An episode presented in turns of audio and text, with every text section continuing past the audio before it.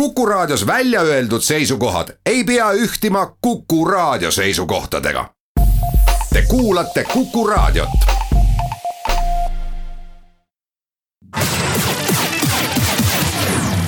nädala Tegija.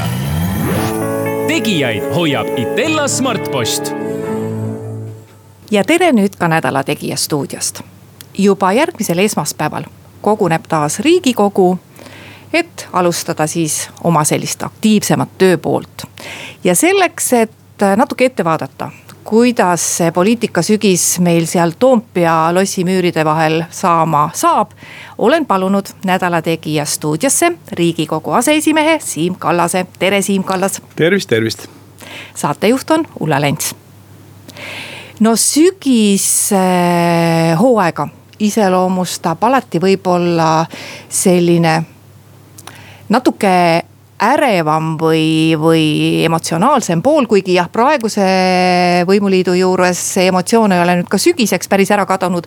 aga ühelt poolt iseloomustab selline emotsionaalne pool või on selle põhjenduseks asjaolu, et äh, alati sügisel võetakse vastu ka tuleva aasta eelarve. sellel sügisel, kui vaadata ette, siis noh, tõenäoliselt hakkab kirgi kütma pensionireform, mis ühel hetkel riigikogusse jõuab. ja eks neid asju on seal teisigi veel. et äh, Siim Kallas, mis te nüüd äh, kostate, et äh, kuidas siis nüüd riigikogu see sügishooaeg välja võib nägema hakata? no teie sissejuhatuses olid, olid tõesti need peamised märksõnad ka juba kajastatud et tõepoolest kevadhooaeg oli ju selline, kus meil oli üks eelnõu, millest võib rääkida, et see mingi oluline otsus oli, ehk siis alkoholiaktsiiside alandamine. aga nüüd algab ikkagi töö eelnõudega, et kui oli kevadhooajal oli, oli rohkem emotsioone ja rohkem igasuguseid muid eh, muid ettevõtmisi, siis eh, sügisel tulevad eelnõud. Ja nii nagu te ütlesite, keskne eelnõu on eelarve valitsus peab eelarve üle andma septembri lõpuks. Siiamaani on Eestis kõik kulgenud plaanipäraselt, see tähendab, eelarve on vastu võetud enne, enne aasta lõppu ehk järgmise aasta eelarve saab enne järgmise aasta algust valmis. see ei ole ka seaduse järgi automaatne, seda võib kuni märtsikuuni teha. aga Eestis on äh, nagu terve rida niisuguseid rahanduslikke põhimõtteid, et äh, ja muidugi inimlikult on see arusaadav, et eelarve ikkagi saadakse enne valmis, kui aasta peale hakkab et see on kõik nagu, nagu äh, üsna selline tavapärane eelarve ümber on alati äh, ägedad vaidlused, opositsioon kindlasti äh, üritab seal avastada ja leida kõik niisugused asjad, mis, mis ei meeldi ja. aga siin on see, et tavaliselt on muidugi nii, et valitsuskoalitsiooni, valitsuskoalitsioon lepib tegelikult enne siiski tähtsamad asjad kokku, et see võitlus tuleb nii-öelda äge ja ja, ja ka palju, ütleme, nähtavust on, aga, aga palju sellest nüüd muutub, on iseküsimus. on üks huvitav eh, asi, mis on toimunud vahepeal, on see, et kui mina olin rahandusminister, siis oli nii, et eh, rahandusminister sisuliselt esines riigikogu ees neli korda. tähendab, esimene lugemine teine lugemine, teine lugemise katkestamine, kolmas lugemine. iga kord esitati talle needsamad küsimused, kuuskümmend või palju ja iga kord ta siis vastas kolm tundi, vist isegi rohkem seal puldis ja siis leiti, et noh, see on natukene ikkagi üleliia, eks ole, et rahandusminister ei peaks seal nii palju olema. aga ma leian, et eh, nüüd mindi jälle nagu teise äärmusse, et. Eh, et ma saan aru, et praegu või eh, juba nüüd mõnda aega on nii, et rahandusminister esineb ainult üks kord. aga see ei ole ratsionaalne, sellepärast et rahandusminister puldis olles kuulab ikka väga tähelepanelikult neid küsimusi, mida talle esitatakse. ja eh, paljudes küsimustes võib juhtuda, et on eh, oponeerijatel õigus ja siis tark rahandusminister võtab neid opositsiooni ettepanekuid arvesse, ta tõesti ei kipu seda reklaamima. aga ta siiski kuulatab, et, et lõppkokkuvõttes on ju nii nagu Katariina Teine ütles, et valitsema peab ikka nii, et need, keda valitsetakse, ka sellest aru saavad ja sellega nagu nõus on. et tegelikult eelarvele peab ikkagi saama ka mitte ainult need eelarve, ütleme, hääled toetuse, vaid selleks, et see järgmine aasta töötaks, peaks olema ikkagi arusaadav, et et ühiskond selle enam-vähem aktsepteerib, et kindlasti seal on nii palju asju, mis, mis, milleks ei jätku raha, aga noh, enam-vähem öeldakse, no hea küll, et saame aru, nii läheb. eelarve, aga siis muidugi pension, pensionireform, noh selle ümber tuleb juba palju nagu tõsisem, ei, ma ei saa nii öelda, et palju tõsisem, vaid selle ümber tuleb kindlasti väga tõsine, tõsine väitlus, sest noh, ütleme, eks neid argumente on siin igasuguseid ja ja neid numbreid lehvib ühelt poolt ja teiselt poolt, aga mis nüüd niimoodi minu meelest on, ähm, on üks oluline asi, mis mulle kohe kindlasti ei meeldi, on see tohutu ülepeakaela tegemine, tegelikult see on ikka tohutu suur asi. Neli miljardit on seda pensionisammast, seda tagavara kogunenud ja see on tegelikult meie sääst. Ja nüüd ütleme, äkki muudetakse selle säästureegleid, see on nagu niisugune tõsine küsimus selle stabiilsuse ja usa-, riigi usaldusväärsuse kohta ja muidugi, et nagu. nagu tõesti need mõjuanalüüsid ja asjad, et, et kõik peab olema nii ruttu valmis see tekitab kindlasti küsimusi, aga noh, selles on, ma ei, ma ei taha sellest pikemalt rääkida, see on spetsialistid on siin val-, vaielnud pikki tunde nende üle ja. aga see on kindlasti üks teema, kus, kus ei tarvitse ka ütleme ainult joosta see joon koalitsiooni ja opositsiooni vahel no siis on eelnõu, mis meie sisse andsime, aga teemana ükskõik kelle eelnõu see siis ka tuleb, on eestikeelne haridus. ja see eelnõu on sees.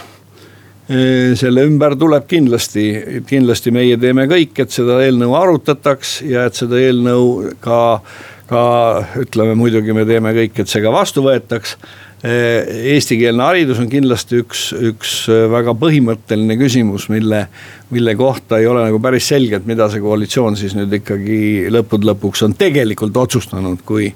kui öeldakse, et eestikeelne, haridusminister ütleb, et eestikeelne haridus tuleb, jätab kõik otsad lahtiseks ja siis tähtis koalitsiooni eh, poliitik eh, Tallinna linnapea ütleb, et tänu sellele koalitsioonile seda ei tule.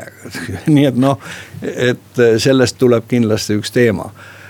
oh ja, ja siis eh, seal, eks seal on veel neid igasuguseid keerulisemaid asju, tuleb välispoliitika arengukava. ka selle ümber ilmselt tuleb, tuleb arutelusid, nii et peaks tulema töine sügis jah, aga nagu te ütlesitegi, eks see sügisene hooaeg on alati seotud eelarvega no vaadates eh, seda ajakava, ma ei tea, kui palju või kui täpselt praegu juhatusel on teada, et mingi asi, mis ajal tuleb eelarve kohta, on üsna täpselt teada. ilmselt millal dokumendina see pensionireform jõuab riigikokku ma arvan, et te veel ei tea, aga, aga vaat selles küsimuses, kuna meil on siin no ütleme niimoodi, et ka võimuliidu koosolemise koha pealt see olukord on siin nagu sündmusest sündmusesse teinekord üsna plahvatusohtlik. et arvestades, et pensionireformi menetlemine saab olema pikk protsess. Äh, öelge, kui juhul peaks juhtuma, et äh, võimuliit laguneb ja tei-, tekib nagu teistsugune võimuliit, kus maa, kui keeruline on ümber pöörata protsesse? keeruline ma arvan, et, et seda ümber pöörata, kui on mingid otsused juba langetatud, no ma ei tea mis, ma olen selle üle mõelnud, et tõepoolest, et tegelikult ähm, ikkagi väga oluline on see, et tegelikult seda tehakse ülepeakaela. see tähendab, see tempo on tegelikult niisuguse suure reformi jaoks on ikka metsik. no ütleme, eelmine pensionireform võttis ikka mitu head aastat aega, kuni ta masindus läbi valitsuse ja masindus läbi siis riigikogu ja lõpuks rakendus e, mis tähendab nagu seda, et võidakse teha väga läbimõtlematuid otsuseid väga kähku. ja kui need on juba tehtud ja süsteem on käiku läinud siis mina küll ei, ei kujuta ette, et ükskõik, eh, mis muutused toimuvad võimu eh, võimustruktuur või võimu, võimuliidus. et siis öeldakse, et ei, teeme nüüd ümber uuesti, teeme sama asja tagasi. ma ei tea, mis siis saab. see on igatahes, eh, igatahes, igatahes on, on see üks niisugune määramatuse element selles asjas. mis, mis, kuna see puudutab tegelikult väga suur hulka inimesi siis üldiselt rahanduses on niisugused põhimõtted, et noh, näiteks pensionid, hoiused niisugused asjad, et nendes peaks olema minimaalselt määramatust ja minimaalselt riski. mis on ikka väga pika tulevikuga ja väga pika vinnaga mõju on. et seda ei peaks nagu rabelema, et kui me siin äh, tulumaksu muudame, siis see no täna maksame nii palju, homme maksame natuke rohkem või vähem, tehtav aga pension, mis veel ka kogutakse, pension, eks ole, inimene hakkab kuskil võib-olla juba neljakümnendast eluaastast hakkab ikkagi mõtlema, et peab tulevikule ka mõtlema ja siis ta ehitab üles mingit süsteemi. midagi on riik talle öelnud, vot nüüd on nii, eks ole, ja siis ühtäkki muudetakse süsteem ära.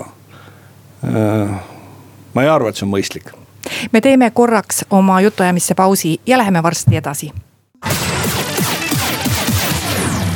Nädala Tegija.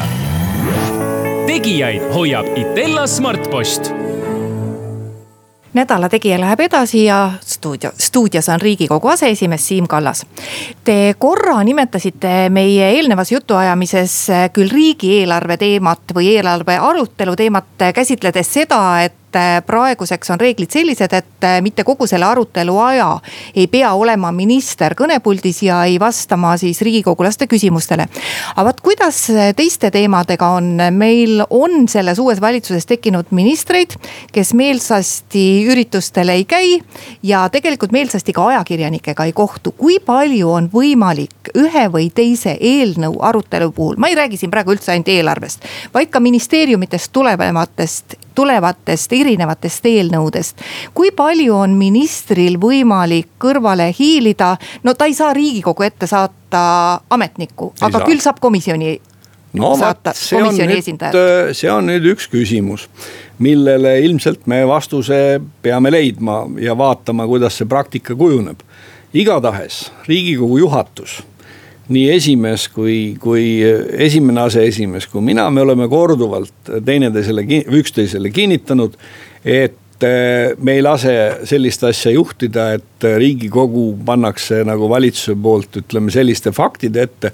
et riigikogu nagu oma sõna kaasa ei räägi, et me oleme igal juhul seda meelt, et riigikogu eh, sõna peab olema kaalukas ja see on üks pisiasi mis on ülitähtis, et noh, tõepoolest, kui vastutus on ikka valitsusel, siis ei saa saata komisjoni esimeest või komisjoni liiget. see on no võimalik on, tähendab, on võimalik igatemoodi, on võimalik nii, et eelnõud ei esitagi valitsus siis esitab selle riigikogu.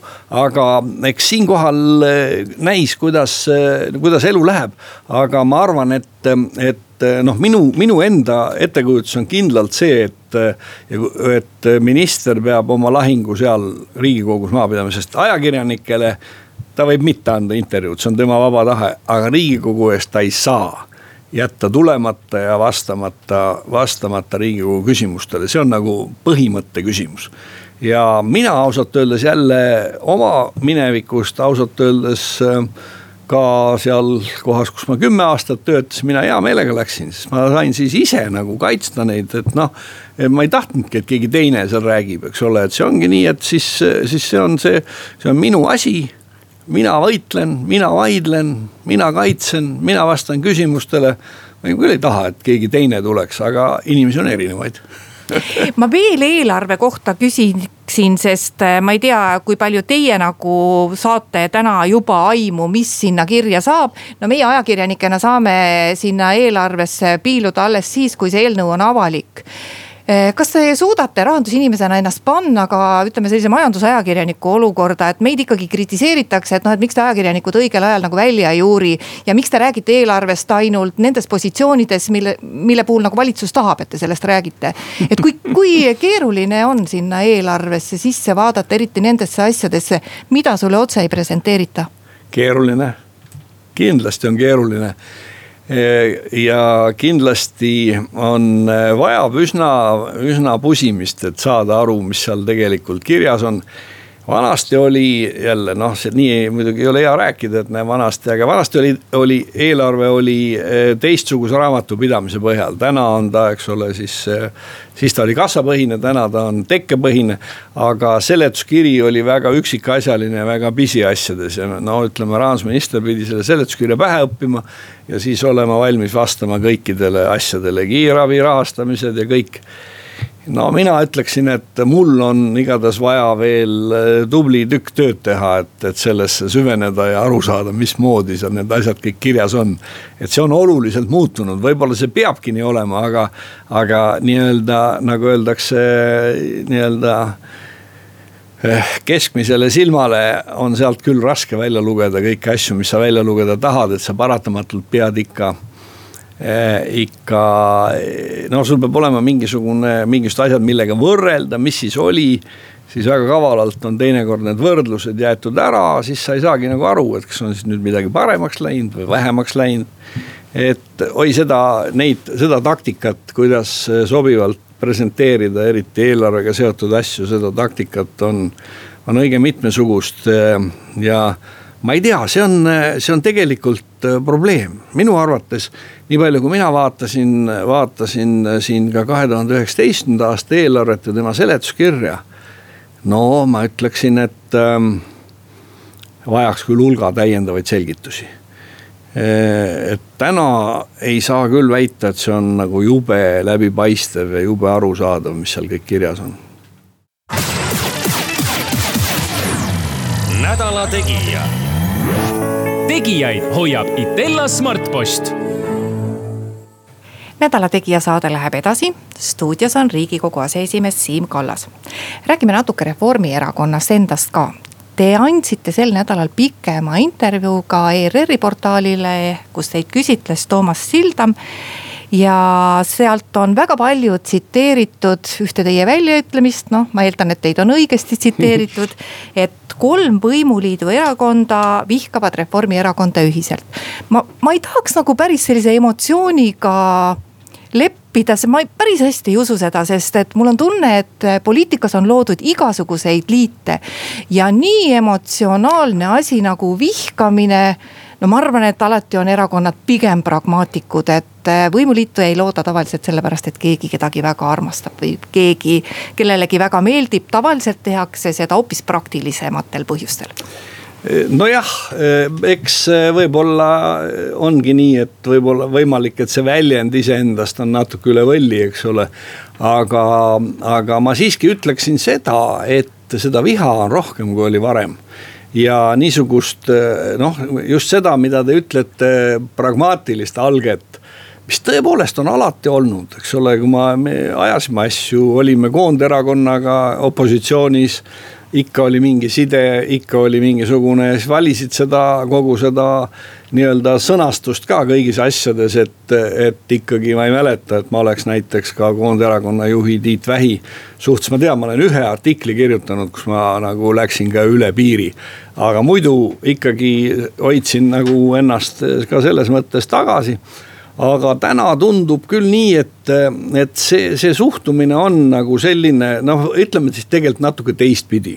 et, et see, kuidas Keskerakond otsustas igal juhul mitte teha koalitsiooni siis Reformierakonnaga, see ikkagi rajanes väga suurel määral, see, mis juhatuses neil jutuks oli see rajanes väga suurel määral tohutule kibestumisele Reformierakonna suhtes, nii et noh, seal heideti ette ka näiteks seda, et mina kahe tuhande kolmandal aastal ei jätkanud peaministrina ja läksin Res Publica võimule. et, et noh, et milleks ma olen, olen veendunud, et see oli absoluutselt õige otsus et ja, ja muid taolisi ja siis loeti seal üles terve rida Reformierakonna silmapaistvaid poliitikuid, kelle kelle, kes, kelle kohta öeldi, et seni kuni need seal on selles erakonnas, me ei tee. no kas see on siis nüüd nagu kuidagi pragmaatiline või see tegelikult ehitati, see nende positsioon ehitati üles noh, ütleme siis ikka väga suurele vaenulikkusele Reformierakonna suhtes, mitte juttu ei ole niisugust arutelu, et noh, et kasulikum on nii, kasulikum, et meie on siin niisugused punktid, kas me siin saame kokku leppida või ei saa, et teate, selles asjas olen, on küll väga raske. see ehitati üles niisugusele vaenulikule vastasseisule noh, siis pole ju põhjust imestada ja ega teised pole selles mõttes nagu, mis, kui, kas te tahate öelda, eks ole, et. et see sõna nüüd, on, mis minult tuli, eks ole, kui, kui eh, perekond Helmed, eks ole, ise kuulsin, kuidas rääkis leegitsevalt erakonna esimees, kuidas kolmsada tuhat inimest vihkab Reformierakonda. kolmsada tuhat inimest vihkab Reformierakonda ja siis loomulikult kuulub tema ka selle hulka, eks ole, no järelikult ma ei mõtle niisugust asja välja välja. et, et see on ja, ja, ja noh, ei ole mingisugust sellist ka pragmaatilist indikatsiooni, et keegi oleks täna valmis mingisugust uut kaaluma mingisugust uut valitsuskoalitsiooni, aga nagu ütlevad, öeldakse, et õhtu pole veel käes. ja et, et igasuguseid ootamatusi võib tulla ja eks see siis paistab, mis saab kuidas erakond ise selle opositsioon, opositsioonis olemise olukorras ennast tunneb, et no mitmed poliitikud on lahkunud, ma ei tea, kas see on nagu juhus, aga.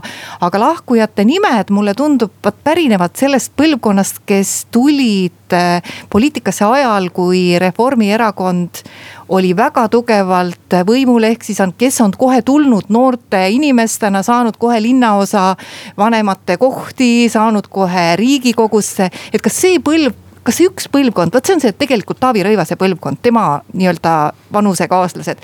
sealt mulle tundub, on kõige rohkem inimesi ära läinud, et kas selles põlvkonnas on tunnetatav, et nad ei suuda opositsioonis olla? No ma ei oska, eks igalühel on omad äh, motivatsioonid ja selgitused, aga kui nii võtta, siis te suhteliselt kirjeldasite seda nähtust ju ka nii nagu ta on, eks ole, kui inimene on on kahekümne, natuke pealt kahekümne aastaselt valitud äh, riigi seadusandlikku kogusse. ja siis on valitud veel kolm korda ja, ja siis on, tuleb. ministriks saanud veel. ja siis on, eks ole, olnud ja, ja siis on kuskil, eks ole, nii-öelda neljakümnenda või alla neljakümne, eks ole ja, ja siis, mis on tema uus sõnum siis nüüd ütleme järgmistel valimistel, eks ole. või kuidas see, kuidas see siis või mis on tema elu nagu mõte või niisugune uus motivatsioon, mis. mis teda innustab tagant, eks ole, et, et noh, mina nii palju, kui minu käest on küsitud, nii mõnedki nendest, keda te mainisite, mina olen öelnud, et jah. et see on väga õige samm proovida ennast erasektoris proovida ennast mõnes muus ametis, alati võib siis tagasi tulla et ähm, ma arvan, et see on äh, nagu sedapidi loogiline samm, et, et nad on, nad on, on, aeg on nagu selles mõttes tõesti selline, et inimesed peavad proovima muid väljakutseid. Teie toetusprotsent Eesti inimeste seas, ma ütleksin, on isegi hirmuäratavalt kõrge. miks ma nii väljendan, seetõttu, et see protsent näitab seda, kui palju on rahulolemat poliitikuid, kellele praegune poliitika ei meeldi ja kes panustavadki ainult teile, et äh, nad panevad teile ju tegelikult tohutu kohustuse käituda praegu opositsioonis targalt. panevad teile tohutu vastutuse ju muidugi, nii see on.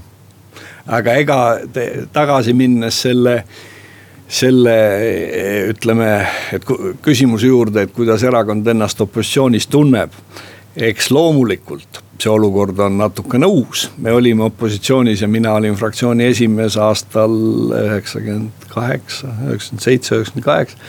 sellest on kakskümmend aastat möödas, eks ole, nii et noh, et tänasel hetkel eh, on see, et nüüd leida opositsiooni nagu kontseptsioon, et mis siis ja kuidas me siis ütleme, suudame, eh, suudame eh, ka ütleme neid samu inimesi nagu motiveerida ja, ja, ja, ja käituda nii, ega see pole, see pole lihtne.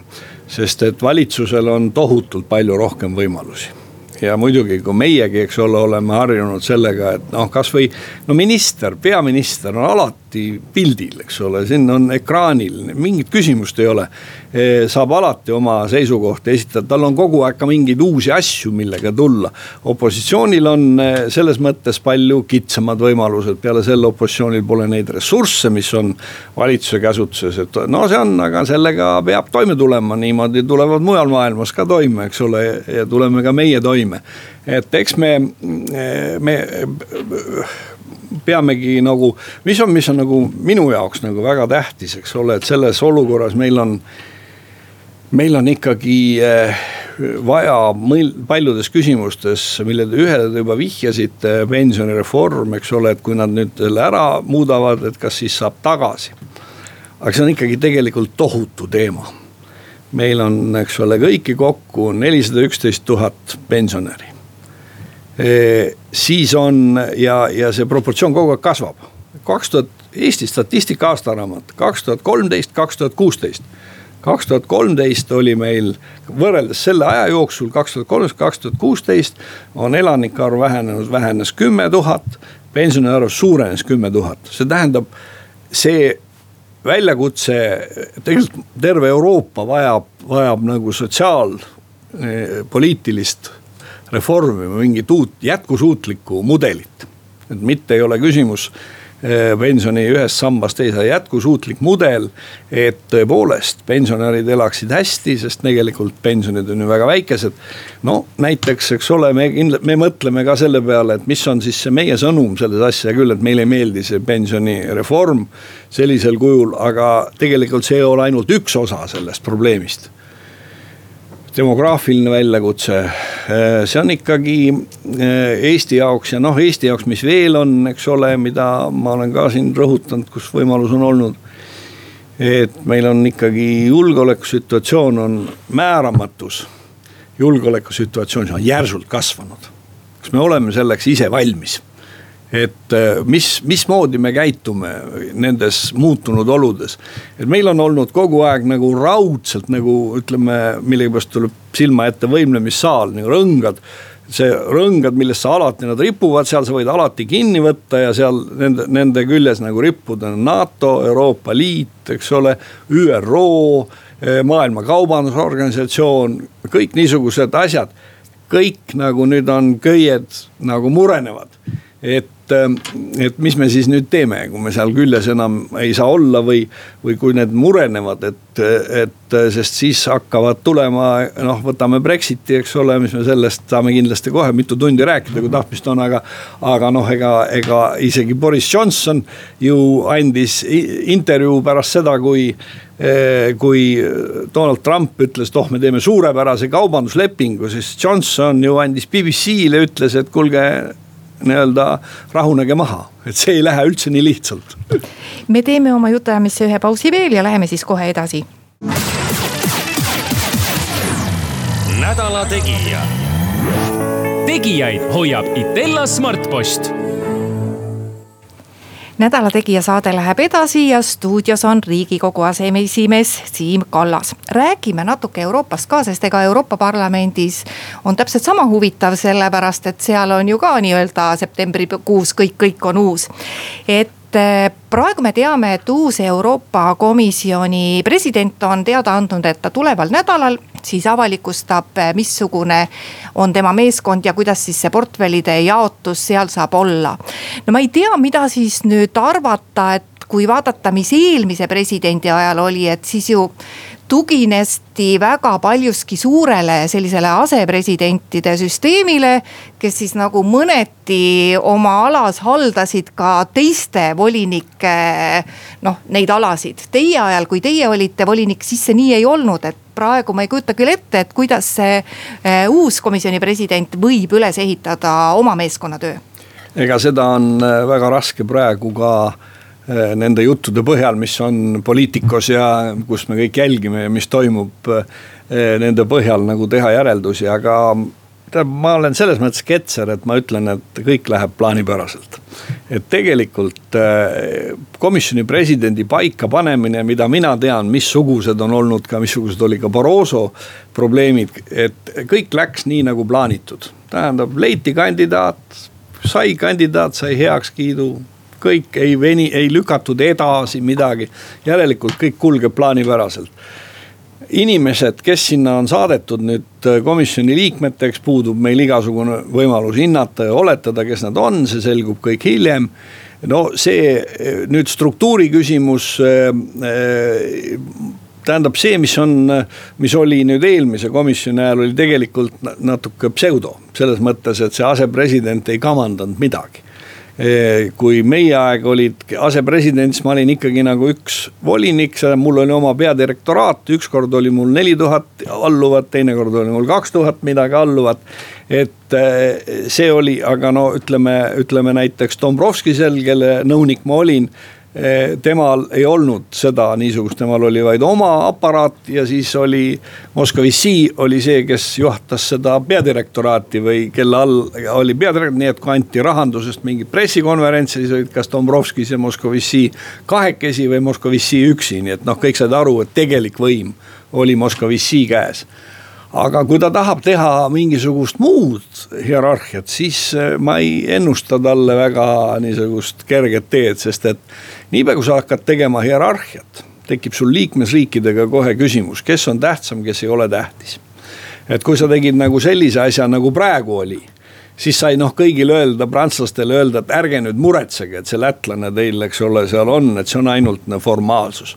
et tegelikult ikkagi teie Moskva-Vissi juhatab seda valdkonda e,. nii et ja siis noh, ilmselt kõik nagu, see oli nagu näilisus väga suurel määral aga kui ta tahab nüüd tõesti jagada selle hierarhias, mis oleks iseendast väga mõistlik, siis see tekitab täiesti uue situatsiooni ja siis läheb, läheb nagu ikkagi eh, ütleme, liikmesriikide vahel ikka tekivad hoopis uued pinged, sest siis on nagu üks komisjonär on ikka tähtsam, niikuinii muidugi on seal portfellide järgi on mõned portfellid on tähtsad, mõned portfellid vähem tähtsad. aga ikkagi on see nagu väga-väga teistmoodi asi, et elame-näeme aga ma noh, ma tegelikult ütlen, kõige tähtsam on see, et eh, see oktoobri lõpus on komisjon paigas et no. esimesest novembrist alustab, sest Barroso komisjon esimene kord läks üheksa päeva üle, teine kord läks mitu kuud üle. nii et eh, selles mõttes Junckeri komisjon või Junckeri komisjon läks õigel ajal käima. et see on nagu näha, kas see süsteem üldiselt, masinavärk toimib või ei toimi. et praegu näib küll, et toimib Kadri Simbosoni puhul on spekuleeritud, et ta võib saada energeetikaportfelli, et kas see on tähtis port-, portfell? keskmiselt tähtis jah, see on, see on see teema, kaks tuhat kuus seda teemat ei olnud olemas. see oli jäetud kõik liikmesriikide ja erasektori kätte.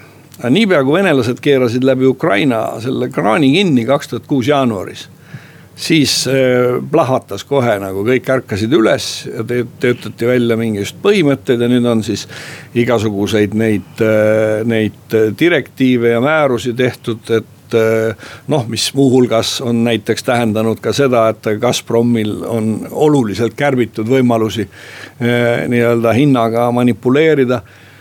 et ta on ikka keskmiselt tähtis jah, et ma, ma arvan, et see on üsna prestiižne portfell Kadri Simsoni puhul on nüüd tõstatunud ka küsimus, et ega meil nagu kindlat teavet ei ole, et kas asi on nii või ei ole nii, aga et on räägitud sellest, et ta tahab oma kabineti ülemaks võtta inimese, kes ei ole eestlane. kas see on tähtis, kas see on oluline, et eh, no. voliniku kabineti ülem oleks Eestist pärit? no kui ta tuleb teile siia saatesse ja, ja siis eh, kas te talt, eh, tähendab üks kanal jääb puudu siis et, et teil on noh, ma ei tea, ma arvan, et see on viga. see on ränk viga, sest et, et kuidagi see, see kaugeneb siis sellest asukohamaast, muidugi. komisjoni liige annab vande, et ta ei võta asukohamaalt mingeid seletusi, mitte midagi aga kes see mees on, kes sinna või naine, kes see kabineti ülemaks tuleb, kes teda selja tagant nagu mõjutab. kui see on eestlane, siis noh, vähemalt on selge, et ta on ikkagi niimoodi ühe silmaga vaatab, vaatab seda, mis siin Eestis toimub ja nii edasi.